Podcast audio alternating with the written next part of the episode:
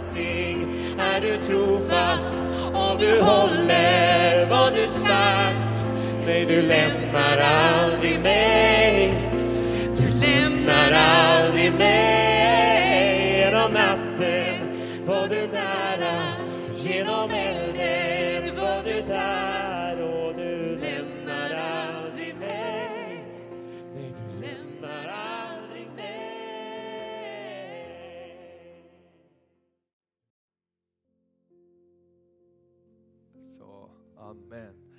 Underbart. Nu är jag påslagen. Är du påslagen idag? Är du påslagen idag? Bra! Härligt att se er allesammans den här söndagen. Vi är fortfarande inne i helger och eh, flera är borta men de är på väg hemåt så småningom. Vi har ju ett helt gäng eh, säga, i Kanada från vår familj också. Så, och vi bad för Miriam och det är flera stycken som är också där i Sydamerika, hennes familj från församlingen. Så jag ska be att alla kommer hem också, eller hur? Det är så spännande tider nu för tiden med allt som händer. Men jag tänkte på det i fjol den här tiden så kunde vi inte samlas som vi gör nu. Eh, för det var pandemi och, och det var nedsläckt allting. Så låt oss bara tro Gud om att vi kan eh, samlas fortsättningsvis också den här våren. Även om vi har lite distans och avstånd. Och jag vet inte om streamen funkar idag men den kanske kommer på efteråt för de som inte kan vara här. Det är också en fantastisk möjlighet att kunna få sända på det sättet. Och eh, idag så ska vi tala några Guds ord och sen ska vi fira nattvard. Jag tycker att det är så härligt att vi får börja det här året med att fira nattvard och bara påminna oss om, hallå vi är inte ensamma här. Vi går inte ensamma. Jesus sa, ta det här och kom ihåg att jag är med er. Kom ihåg att jag har vunnit seger. Amen. Och det är en påminnelse också om hur Gud befriade Israels folk ifrån Egypten och slaveriet genom påskmåltidens instiftande. Och det är färdkost på vägen. Vi är inte ensamma, han går med oss. Han går framför oss och han har redan varit i det här året som ska komma. Visst är det tryggt? Han är alfa och omega. När vi går in i 2022 så kanske det är ett oskrivet blad för oss, men det är inte ett oskrivet blad för honom. Eller hur? Han har redan varit i det här året, därför är det så tryggt att gå med Gud. Så oberoende vad som händer det här året, så när vi går med Gud så finns det en trygghet i att gå med Herren. Och det finns någonting som vi kan hålla fast vid. Eh, vad vi än möter så finns Gud där med oss. Och eh, som Maria sa, idag ska vi prata om det, det viktigaste. Och när pratar man inte om det viktigaste i kyrkan? Varje söndag borde vi prata om det viktigaste, eller hur?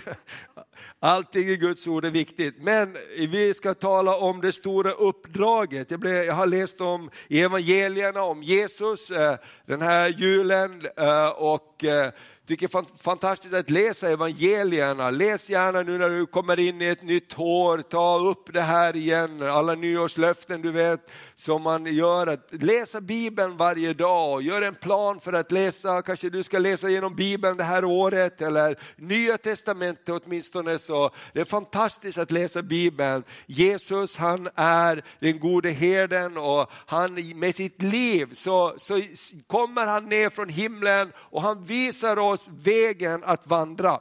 Och i Lukas, vi ska läsa i Lukas evangeliet, det femte kapitlet. För här kallar Jesus sina första lärjungar. Och du och jag, vi är kallade att vara hans lärjungar, eller hur? Så i Lukas, det femte kapitlet ska vi läsa. Jag blev så fascinerad av den här berättelsen fast jag har läst den förut. Och det är det som är så fantastiskt med Bibeln, att den är en levande bok. Bibeln lever. Plötsligt så kommer orden ut ur bladen. Amen. Och det är det som är så underbart. Så vi läser från eh, kapitel 5 i Lukas, det första, kapit- första versen till eh, med vers 11 står det så här, "E-" och sen ska vi kommentera lite. Det är så man predikar, först läser man och så kommenterar man bibelordet, vad man har läst. Så alla kan predika. En gång stod Jesus vid Genesarets sjö. En gång, en helt vanlig dag alltså. En helt vanlig dag så stod han där. Och folket trängde sig in på honom för att höra Guds ord. Min vän, jag tror att Guds ord är fortfarande fullt av liv idag. Och när vi talar Guds ord så finns det någonting som attraherar i våra liv. Då såg han två båtar ligga vid stranden. Kan du säga två båtar? Det är nyckelordet idag. Nej. Två båtar ligger vid stranden. De som fiskade hade lämnat dem och höll på att kölja näten. Jesus steg i en av båtarna, den som tillhörde Simon, och bad honom lägga ut lite från land. Sen satte han sig och undervisade folket från båten. När han hade slutat tala sa han till Simon, gå ut på djupet och lägg ut era nät till fångst. Simon svarade, Mästare, vi har arbetat hela natten och inte fått någonting, men på ditt ord ska jag lägga ut näten. Och jag tänkte på de här första styckena som vi har läst här. Först så kommer Jesus en helt vanlig dag och han står där och undervisar. Det är så mycket folk så han känner sig lite trängd där på stranden och han vet naturlagarna att går man ut i vattnet lite grann så bär också vattnet ens röst på ett helt annat sätt. Det blir liksom som en resonans där. Alla vet det som har suttit ute på en sjö och och, och, när någon är ute och ror och metar och så står du vid stranden så hörs det väldigt bra vad man pratar i båten. Det var ett litet tips. Va? Så prata inte jättestora hemligheter, speciellt om det är lugnt, för vattnet bär din röst. Och, och då så står de här och Jesus han frågar, får jag låna dina båtar? Simon, får jag låna din båt? Och Första eh, lektionen här, när vi ger vad vi har till Jesus, när vi ger tillträde till det vi har i våra liv till Jesus, så händer det någonting. Och jag tänker så här ibland när vi ska prata om det stora uppdraget så gör vi det lite svårt. Vi tänker på allt som vi inte har istället på att vi tänker på det vi har. Alla har vi någonting, eller hur? Alla har vi någonting vi kan ge, alla har vi någonting vi kan göra på det sätt vi har. Och jag tänkte så här, Simon tänkte, jag är bara en enkel fiskare, vad kan jag ge till Jesus? Ja, men han hade en båt som låg vid stranden och när Jesus han använde Simons båt så blev resultatet någonting helt fantastiskt. Det står här att efter det att han hade talat så sa han till Simon, jag tycker att du ska slänga ut näten igen. Och Simon sa, vi har arbetat hela natten och inte fått någonting, men på ditt ord ska jag lägga ut näten. De gjorde så och fick så mycket fisk att näten höll på att brista. Då vinkade åt sina vänner i andra båten att komma och hjälpa dem. När vi öppnar upp och välkomnar in Jesus i vår vardag så kommer övernaturliga välsignelser att sätta igång runt omkring oss. Vi kan inte räkna ut det. Jag tror inte Simon den där morgonen tänkte, åh hur ska det gå, kommer jag inte få någon fisk, det här blir en värdelös dag. Eller hur? Har du jobbat hela natten, någon som har hållit på någon gång jättemycket och du känner bara, det var, jag skulle aldrig stiga upp idag. Eller hur? Det, allt har gått fel liksom. Och, och kanske så Simon kände det, vi har jobbat hela natten, vi har fått ingenting. Och det är det värsta när du fiskar om du inte får fisk. Eller hur? Fy vad tråkigt det är att fiska och så får man ingen fisk. Och det är det som är så märkligt med fiskare, att de har någonting i sig, att de går ändå ut och fiskar nästa gång.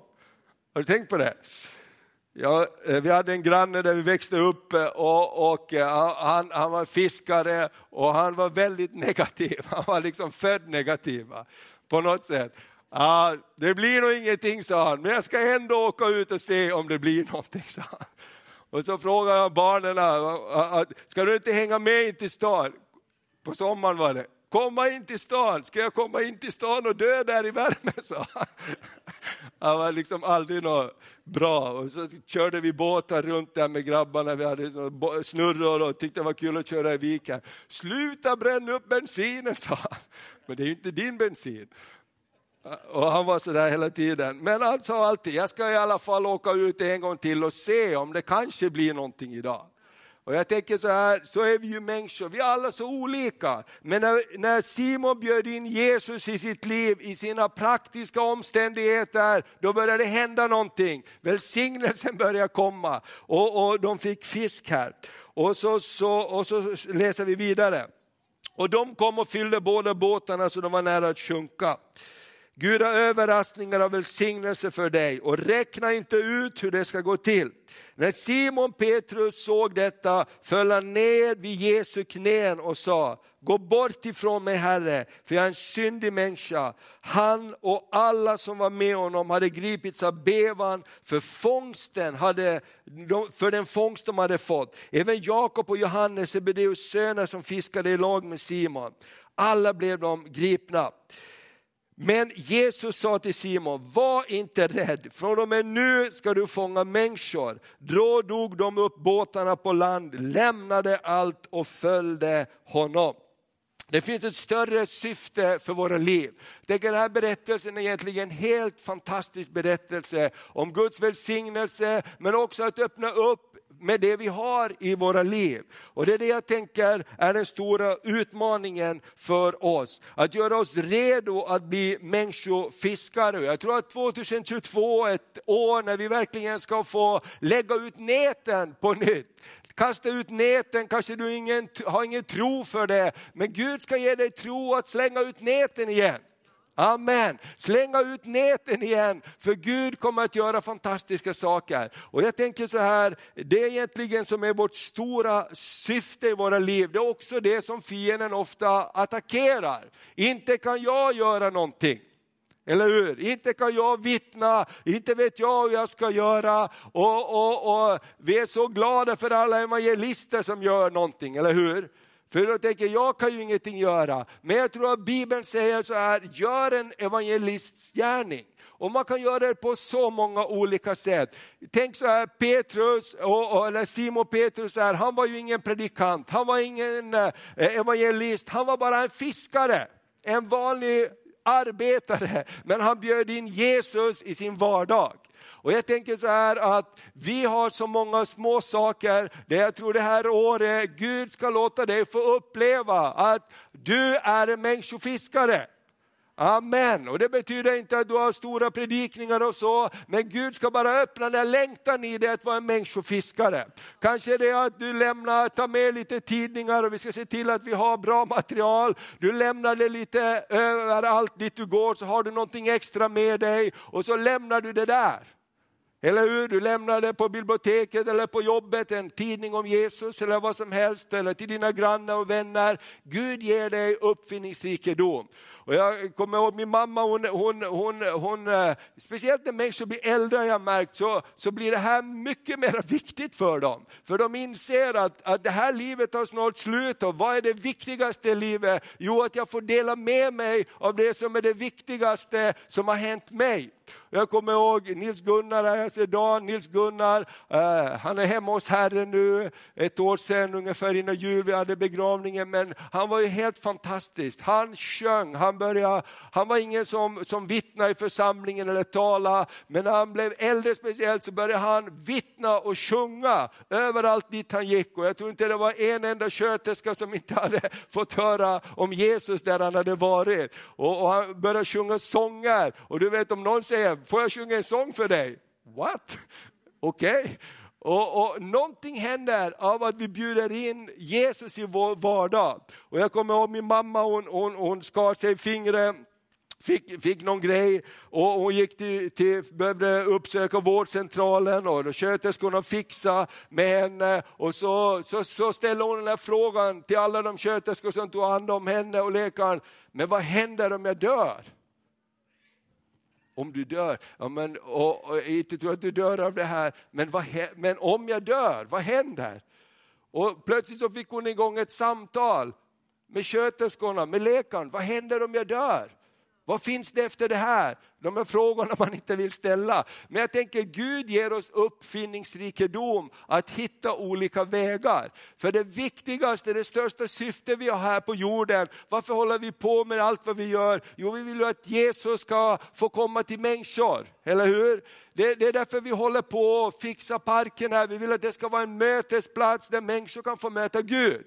Med allt vad vi gör med skolorna, med förskolorna, att vi får en plats där vi får dela vår tro på Jesus till nästa generation. Eller hur? Det är egentligen det viktigaste av allting. Och hela vårt liv, det handlar om förvaltarskap. Vi får ingenting med oss när vi går härifrån. Har du tänkt på det? Vi får ingenting när vi går, vi får ingenting med oss. Ingenting. Allt vad vi får med oss är det, det vi har gjort för någon annan människa. Allt vad vi har gjort, allt vad vi har gjort, allt vad vi har planterat, allt vad vi har välsignat någon med. Det är det Bibeln säger, att vi ska använda mammons rikedom för att skaffa oss eh, eviga eh, vinster i himlen. Och det är det jag tänker när vi ger, vi jobbar med mission, vi ger till människor för att de ska få möta Gud. Och den här helgen, julhelgen så har vi fått många meddelanden från Azerbajdzjan, Georgien, från olika platser, Albanien dit vi skickar våra supportpengar också från kyrkan här för att evangelium ska gå ut. Och fick ett meddelande från Azerbajdzjan, församling vi stöder där, att de har fått ha dopförrättning i ett av de hårdaste länderna. Vi har Turkmenistan som är tillsammans med Nordkorea, några av de tuffaste länderna i världen. När vi ger av våra pengar dit, vet du vad en dag när du kommer hem till himlen så kommer det att komma någon från de här länderna och tacka dig, tack för att du var med och du vet ingenting, du känner inte personen, men, men de vet, står in, att någon gav och de kunde gå och någon kunde höra evangeliet. Och jag tänker det är ju det här egentligen som är det viktiga. Och jag tror, tror att det här är det också som, som är ett motstånd i våra liv. Hur ska vi göra? Och jag vill bara uppmuntra dig, bjud in Jesus i din vardag. Amen. Det behöver inte vara så märkvärdigt. Vi har här varje vecka många, många människor som inte tror på Jesus som kommer redan till den här byggnaden. Vi har mer än hundra människor som inte känner Jesus som varje vecka kommer hit. Och jag vill bara uppmuntra dig, kom och var med på onsdagskvällarna, på fredagskvällarna. Du behöver inte göra någonting, bara prata med dem, dricka kaffe med dem, vara en medmänniska med dem och plötsligt så kommer det ett behov. Kan du be för det här? Kan du be för det här? Kan du be för det här? Och Gud börjar göra saker. Eller hur? Det är ju inte du och jag som ska omvända människor. Det funkar inte jättebra. Eller hur? Försök inte ens, gå till grannen och försök, nu ska jag omvända dig. Det, det, det blir som inget bra. Utan Gud gör det genom den heliga Ande, men han vill använda dig och mig som ett redskap. Och jag tror bara Gud vill doppa oss i den heliga Andes kärleksflod också det här året. Och när vi ber nu i januari så låt oss be att den heliga Ande rör vid våra hjärtan, rör vid våra hjärtan så att hans kärlek får börja flöda genom oss. Det var någon som sa så här, jag älskar hela världen, jag har ett hjärta för alla människor, det är bara min granne jag har problem med. Och ibland är det ju så. Det är jättelätt att älska kineserna, eskimåerna och alla möjliga, men, men eh, sen har vi lite andra problem. Och Gud vill bara att vi ska få annat perspektiv på det hela. Eller hur? Amen. Så vi går mot finalen på olika sätt. Alla har olika gåvor och alla våra gåvor och möjligheter har samma mål, att människor ska få möta Jesus. Alla kan göra någonting. Vi kan vara boxerbåtar som boxerar människor in. Jag menar vi kanske inte kan göra så mycket annat, men vi kan bjuda med en människa in. Och jag är så fascinerad av det här när man bjuder med människor in till Guds hus, att folk faktiskt säger ja. Jag vet eh, Christian där och Jonathan när de var med i Piteå och var ute på stan och bjöd människor in till möte på kvällen, evangelistiska möten och flera sa, ja men det kan vi väl göra. Hur många trodde det? Jag kommer ihåg när vi bad för sjuka, vi hade den här konferensen med New Wine och så hade vi förbön för sjuka. De sa nu ska vi gå ut och be för sjuka på gågatan och vi ska ta med en skylt där det står vi ber för dig. Då tog vi med en stol, att folk vill sätta sig på stolen och jag tänkte som pastor, lång erfarenhet av det här, det här blir ingenting. Vem kommer att sätta sig på en stol och få förbön mitt på gågatan? Fattar du hur många människor som helst vill ha förbön? Vi ber för dig. Okej. Okay. Alltså någonstans så, så tror jag att fienden gör det, eh, blockerar våra sinnen och vi tänker det är så svårt. Men kanske det inte är så svårt.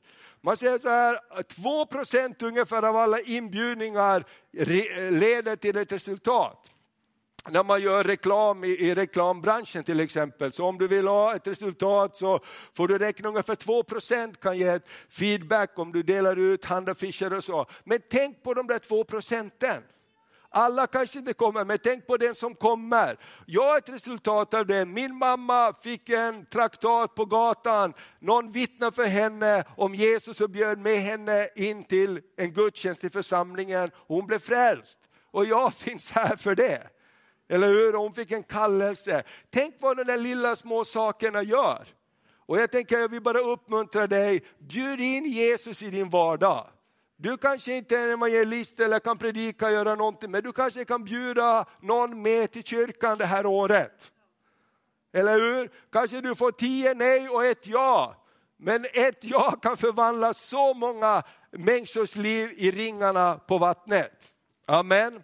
Jag tror det här är liksom syftet med hela grejen. Eller hur? Är inte det här syftet med hela grejen? Och ibland så blir vi så fokuserade på våra egna problem. Att jag har problem och jag går igenom det ena och det andra. Och vi gör det, vi har problem och vi går igenom saker. Men min vän, du är inte det du går igenom. Du är mer än det du går igenom. Du är ett Guds barn och Gud har satt någonting i dig som han kan använda till välsignelse för någon annan. Ditt problem kan bli en välsignelse för någon annan. Det du går igenom just nu kan bli en välsignelse som leder någon annan till Kristus. Amen. Och jag tänker så här, låt oss inte tappa fokus på de här enkla, enkla sakerna. Amen. Amen. Det här är en utmanande predikan idag, men jag tror att det här är enda vägen framåt. Och jag tänker så här, vad får vi med oss när vi går härifrån? Vi säger Jesus han kommer snart tillbaka. Kanske Jesus dröjer för att vi inte gör jobbet. Och tänk om Jesus kommer tillbaks och vi inte har gjort våra inbjudningar som vi kan göra. Amen. Och jag bara är helt övertygad om att Petrus är ett bra exempel mitt i vår vardag. Vi behöver inte göra det märkvärdigt. Jag berättade förut en gång när jag var ung och var med på team och vi var ute och evangelisera och jag kände mig inte alls bekväm med det. Jag, hade inga, jag kände inte mig alls bekväm med det att gå ut och stoppa människor på gatan, helt främmande människor. Och så var det en kvinna som sa till mig, jag tycker du skulle gå hem sa hon. Och jag sa, det var bra sagt, det ska jag göra. Förstår du, när vi försöker göra någonting så blir det inget bra. Nu ska jag försöka vara lite rolig. Hur ofta blir det bra?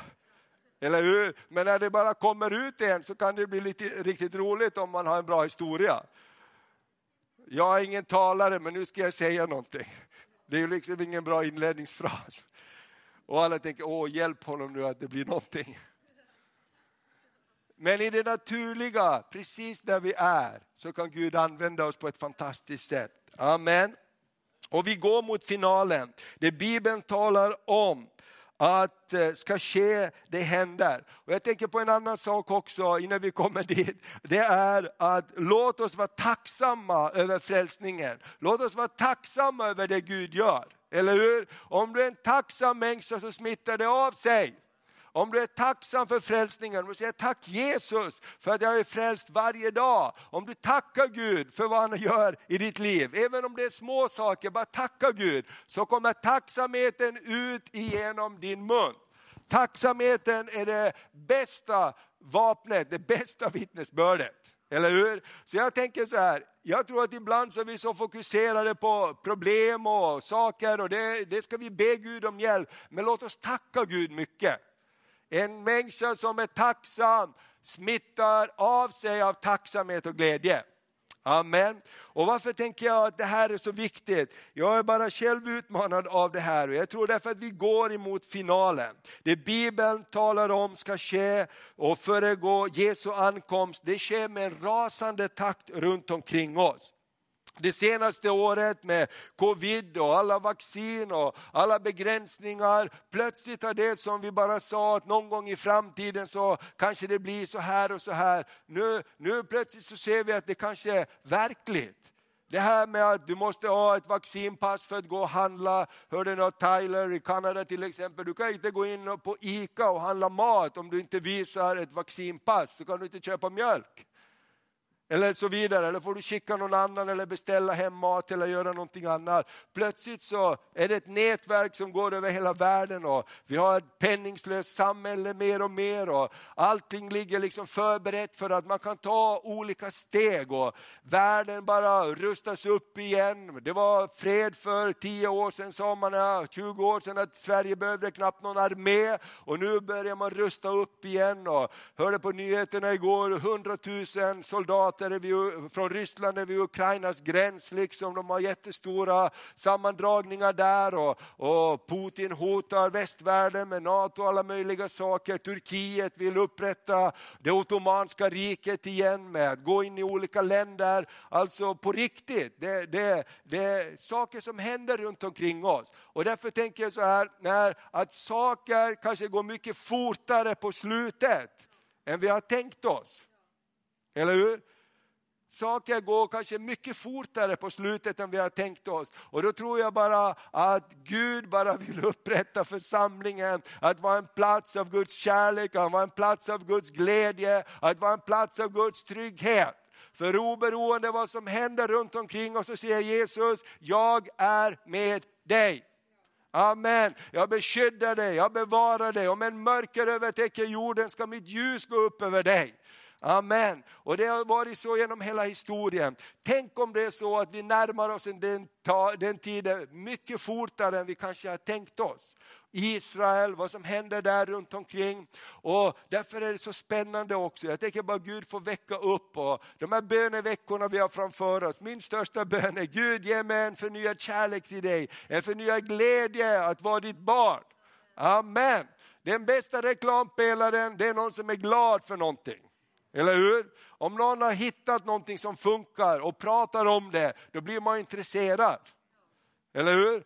Om du har ont i foten och någon har hittat en fantastisk kräm på apoteket som har tagit bort all smärta ur dina tår, så bara, de bara pratar om det. Eller hur? Det var någon som sa det som var äldre som var på en klassåterträff. De var typ liksom, hade gått ut skolan för 40 år sedan. Och, och efteråt så sa han, det är helt fantastiskt, nästan alla mina klasskompisar är farmaceuter. Jag visste inte om det. Och varför då? Jo, alla pratar om sina mediciner. Alla pratar om vilka mediciner de tog. Så hans slutsats var alla jobbar på apoteket, men kanske inte var så. Okej, nu läser vi ett till bibelord när allt det här händer runt omkring oss ska vi inte bli rädda. Vi ska möta framtiden med tro, för Jesus är med oss. I Lukas kapitel 21 och vers 28 till 31 så ska vi läsa några bibelord också. Eh, för jag tänker så här att det finns så mycket fruktan idag. Och du som håller på att titta på internet på en massa saker. Och jag bara hör så mycket fruktan ibland. Min vän, vi kan inte möta framtiden med fruktan. Vi måste vara observanta, vi måste vara nyktra och vakna. Men du kan inte möta framtiden med fruktan. Därför då låser du dörren och då stänger du in dig. Du måste möta framtiden med tro. Amen. Du måste möta framtiden med tro, annars tappar du frälsningsglädjen, du tappar glädjen och framtidstro. Luther sa så här, om Jesus kommer imorgon så vill jag plantera ett träd idag. Amen. Och jag tänker, eh, och låt oss titta vad Lukas 21 eh, säger så här. För i hela kapitlet kan du läsa när du kommer hem. Det handlar om den yttersta tiden. Och Jesus säger så här, när ni ser allt det här börja hända, från vers 28, 21 och 28 till 31. Men när allt det här börjar hända, så reta på er och lyft era huvuden. Amen, för er befrielse närmar sig. När kan man göra det? Jo, om man är helt fylld av vad som ska komma. Om du är fylld av fruktan för nu kommer det ena, nu kommer det andra. Och det var någon som sa, tar du vaccin så syndar du mot Gud. Det är helt dumt. Eller hur? Vi får helt fel fokus på saker. Vårt fokus är att berätta för människor om Jesus. Eller hur? Det är det som är vårt fokus. Om vi börjar med allting annat så blir det jättekonstigt. Och därför tror jag det är så viktigt att vi är uppfyllda av frälsningsglädje. Amen. Tänk om allt brakar ihop, helt fantastiskt. Då kommer vi ju snart hem. Jag menar, vad är vi uppfyllda av? Jag menar, vad, vad, vad ska vi, med, tänk vad, min, min, vad, vad, vad händer med huset? Du behöver inte bry dig. Eller hur? Ja, men tänk om vi är med liksom glädje över himlen, glädje över frälsningen, glädje över att tillhöra Jesus. Eller hur? Då är det ju det som kommer ut ifrån oss. Och Jesus säger, när det här börjar hända, så reta på er, lyft era huvuden, för er befrielse nalkas. Tänk om Guds församling är den gladaste platsen på jorden. Där vi prisar Gud, där vi ärar Gud, där vi fattar att vi kan inte frälsa oss, men han kan rädda oss. Amen, vilken underbar plats. Och så står det så här, när ni, och han gav dem en liknelse. När ni ser på fikonträdet och alla andra träd, när, de ser, när ni ser att de knoppas, så förstår ni av er själva att sommaren redan är nära. Och det menar man talas om Israel som fikonträden. När ni ser att det blir till, då förstår ni att sommaren är nära. På samma sätt vet ni när ni ser detta hända att Guds rike är nära. Amen. Och, och, därför tänker jag så här, låt oss vara uppfyllda av frälsningsglädje. Låt oss vara uppfyllda av Jesus, för då kommer det att komma ut ur oss. Och ibland så kan vi tappa fokus. Och när vi tappar fokus vill Jesus föra oss tillbaka och påminna oss om det viktigaste. Och vi ska läsa det sista bibelordet här i Johannes 21, vers 1-12. För här är en annan story. Det här är samma människor, det är Petrus, det är Simon Petrus, det är hans kompisar. Men här har de tappat hoppet och tron liksom på vad som ska hända. Jesus har dött, han har, han har uppstått och de kan inte riktigt greppa vad, vad händer. Plötsligt så kommer Jesus mitt igenom väggen och Jesus är med dem men han, han har dött och han har uppstått. De fattar inte vad som har hänt. Och, och de säger till varandra, om vi går till Johannes 21 och vers 1-12 så står det så här. Efter Jesu död och uppståndelse så tappade lärjungarna fokus på det viktigaste. De gick tillbaka till gamla hjulspår. Sedan visade sig Jesus en gång till för lärjungarna. Det var vid Tiberias sjön och det gick till så här. Simon Petrus och Thomas som kallades tvillingen, Natanael från Kana i Galileen, Sebedeus söner och två andra av hans lärjungar var tillsammans. Simon Petrus sa till dem, jag går ut och fiskar. Alltså, jag vet inte vad som har hänt här. Vi går tillbaka och gör det vi brukade göra. Och kolla, det är så fantastiskt story det här. Jag går ut och fiskar, de andra sa, vi följer med dig. De gick ut och steg i båten, men den natten fick de ingenting. Kanske hade fel yrke. Förra gången vi läste om dem så fick de heller ingenting. Tidigt på morgonen stod Jesus på stranden, men lärjungarna förstod inte att det var han. Jesus sa till dem, mina barn, har ni inget att äta? De svarade nej. Han sa, kasta ut nätet på högra sidan om båten så ska ni få. Då kast, det, tänk att de hade lärt sig en läxa. Då kastade de ut näten och nu orkar de inte dra upp för all fisken. Lärjungarna som Jesus, lärjungen som Jesus älskade sa till Petrus, det är Herren. När Simon Petrus hörde att det var Herren drog han ytterplagget om sig, för han var inte klädd. Han kastade sig i sjön och de andra lärjungarna kom efter i båten med fisknätet på släp. De var inte långt från land, omkring 100 meter. När de kom i land fick de se en koleld och fisk som låg på den och bröd. Jesus sa till dem, bär hit av fisken som ni fick nyss. Simon Petrus steg i båten och drog upp nätet på land. Det var fullt av stora fiskar, 153 stycken. Och fast det var så många gick det inte sönder. Jesus sa till dem, kom och ät. Ingen av lärjungarna vågade fråga honom vem han var, för de förstod att det var Herren. vilken, vilken, vilken story! När de blev kallade så höll de på att fiska men de fick ingenting. Men Jesus sa ett ord till dem, de fick fisk. Någonting förvandlade deras liv. Kom så ska jag göra till människofiskar. Nu hade Jesus dött och uppstått och de fattade ingenting och de tänkte det blir ingenting av det här. Kanske det är så med dig och mig också, våra erfarenheter säger det kanske inte blir någonting av allt det här. Och vi går lätt tillbaka till gamla hjulspår. Jag är så glad att Jesus också kom dit. Jesus har sagt, jag lämnar dig inte. Jesus har en större kallelse till sin församling, därför tror jag att han uppmuntrar oss gång på gång på gång på gång på gång. När vi vill gå iväg, när vi tror att det inte funkar, då kommer han plötsligt. Amen. Då kommer han plötsligt med ett ord, då kommer han plötsligt och jag är så tacksam alla gånger Gud har mött mig. När jag inte har förstått, när jag har varit på väg på glid på något sätt, så kommer Gud och han möter oss och han kallar oss. Amen. Och det var som lärjungarna här sa, ingen vågar säga någonting för alla fattar vad det var. Eller hur? Och det är så skönt med Jesus. Han står inte där och säger, vad var det jag sa? Vad var det jag sa? Utan han bara, kom igen, kom nu. Kom nu tillbaks till det som är er kallelse. Kom nu in i det som jag har förberett för er. Kom och ät. Det man blir lite orolig för, det är att varje gång Jesus bjuder på mat så är det fisk. Jag tänker på himlen. Det står ett antal gånger Jesus bjuder på mat. Ibland är det flera tusen, det är alltid fisk och bröd. Han kanske har en annan meny i himlen, eller hur?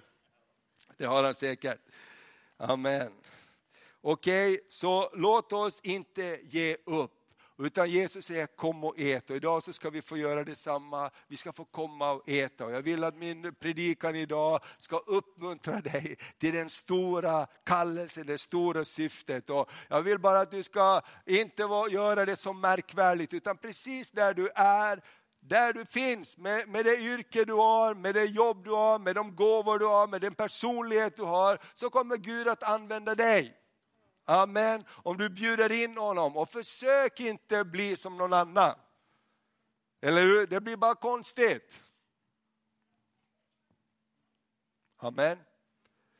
Det blir bara konstigt. Var bara dig själv, men fyll dig med Jesus av tacksamhet så kommer han att komma ut ur dig på ett naturligt sätt. Och låt oss ta de här stegen. Tänk på att det är fiendens största, största plan att få bort Guds församling, få bort dig och mig från det största syftet att peka på Jesus. Att föra andra människor till Jesus. Amen. Och jag tror att det är det som liksom är det stora uppvaknande hos oss någonstans också. Wow, vi får ingenting med oss. I vårt sletande, i vårt strävande, allt är förgängligt förutom det vi har planterat in i andra människor. Låt oss be för våra barn, våra barnbarn, kommande släkten. Låt oss göra vad vi kan för att ge Jesus till dem. Amen. För Jesus, han, han har en plan för varje människas liv.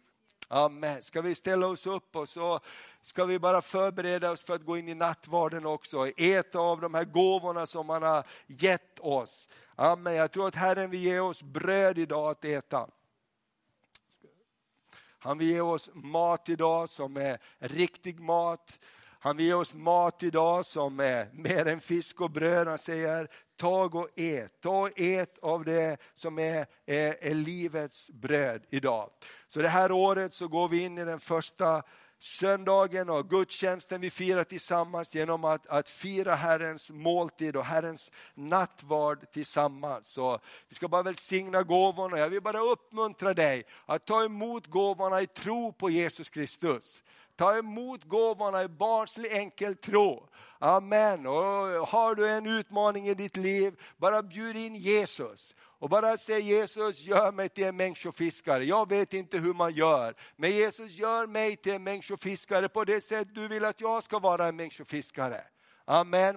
Herre, jag bara tackar dig för den här förmiddagen. Jag bara tackar dig för att vi bara får stå tillsammans inför dig, Herre. Och vi är alla beroende av dig och vi alla har det här behovet att få vara människofiskare och peka på dig Jesus, det är egentligen det enda som betyder någonting i längden. Och Herre, jag bara tackar dig för att du kommer till oss, du kommer till var och en. Och jag bara talar till fördömelse, jag bara talar till det som säger till oss att vi inte duger, att vi inte kan, att det vi har inte räcker till. Herre, du tar det vi har. Du tog en fiskebåt, du tog några fiskare som var värdelösa på att fiska och du gjorde dem till någonting helt fantastiskt. Herre, tack att du kan ta oss Herre och göra oss Herre, med de personligheter vi har, med de utrustningar vi har. Hjälp oss det här året, var människofiskare Herre. Hjälp oss Herre att peka på dig med allt vad vi har. I Jesu Kristi namn, vi prisar dig för det. Tack för kreativitet Herre, tack för glädje, tack för frimodighet Herre. Att dela med oss på olika sätt. I Jesu Kristi namn och möt oss Herre idag när vi ska ta emot nattvarden Herre, när vi ska ta emot gåvorna som du har gett oss. Ta, ta Herre och möt oss på ett övernaturligt sätt idag. Jag ber om det i Jesu namn. Amen. Amen. Amen. Vi ska ta emot Herrens gåvor idag och, och eh, låt oss bara läsa instiftelseorden också. Den natt då Herren Jesus blev förrådd så tog han ett bröd, han tackade Gud och han gav det åt lärjungarna och sa tag och ät, det här är min kropp. Och eh, som blir utgiven för er. Gör detta till min åminnelse. På samma sätt så tog han kalken, han tackade och gav åt lärjungarna och sa, drick av den alla. För denna kalk är det nya förbundet genom mitt blod som blir utgjutet för många till syndernas förlåtelse. Så ofta ni dricker av den så gör det till min åminnelse. Ska vi tillsammans säga, din död förkunnar vi Herre och din uppståndelse bekänner vi till dess du kommer åter i härlighet. Bibeln säger att vi ska inte på ett ovärdigt sätt äta och dricka av gåvorna, utan Herren vill rena oss med sitt blod också, så att vi med frimodighet får gå fram till nådens tron. Vi ska också be Fader vår bönen och i den bönen finns en, en bön om förlåtelse och rening också. Om du har någonting mot någon så bara lägg ner det, säger Bibeln. Lägg ner det inför Jesu fötter och säg Jesus idag vill jag ha en ny fräsch start med dig. Idag vill jag, ha, jag vill bara lägga bort allting som hindrar mig, jag vill gå med dig idag. Jag vill låta ditt blod rena mig. Jag vill att den här förbundsmåltiden ska få vara en proklamation i hela andevärlden att jag tillhör dig. Att Jesu blod renar från all synd. Jesus, vi bara tackar dig för det. Så låt oss be tillsammans. Fader vår som är i himmelen. Helgat vare ditt namn. Tillkomme ditt rike. Ske din vilja så som i himmelen så och på jorden. Vårt dagliga bröd giv oss idag och förlåt oss våra skulder så som och vi förlåta dem oss skyldiga äro.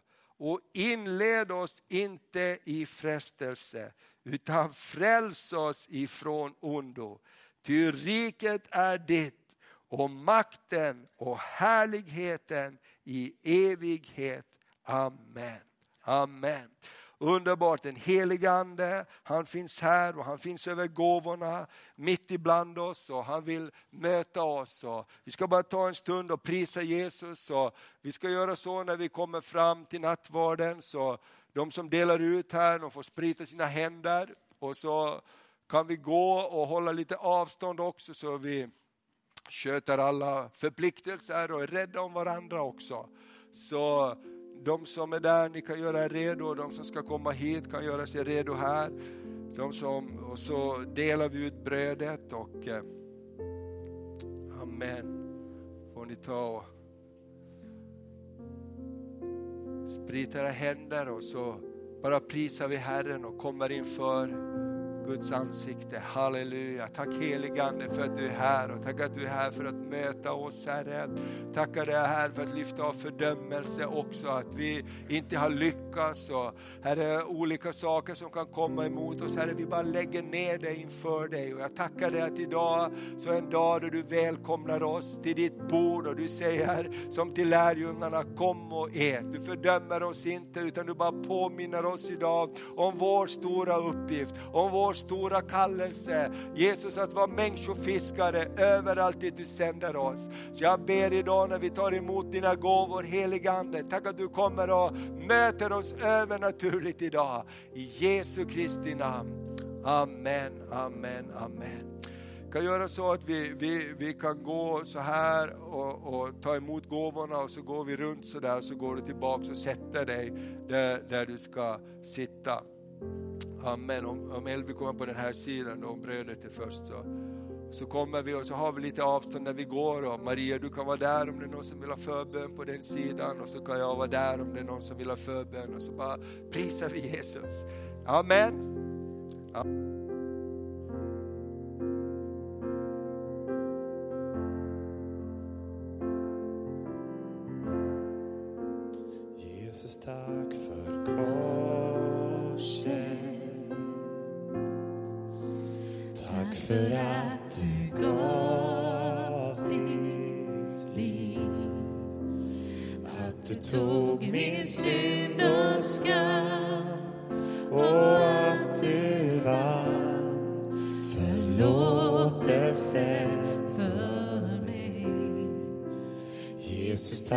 för blodet.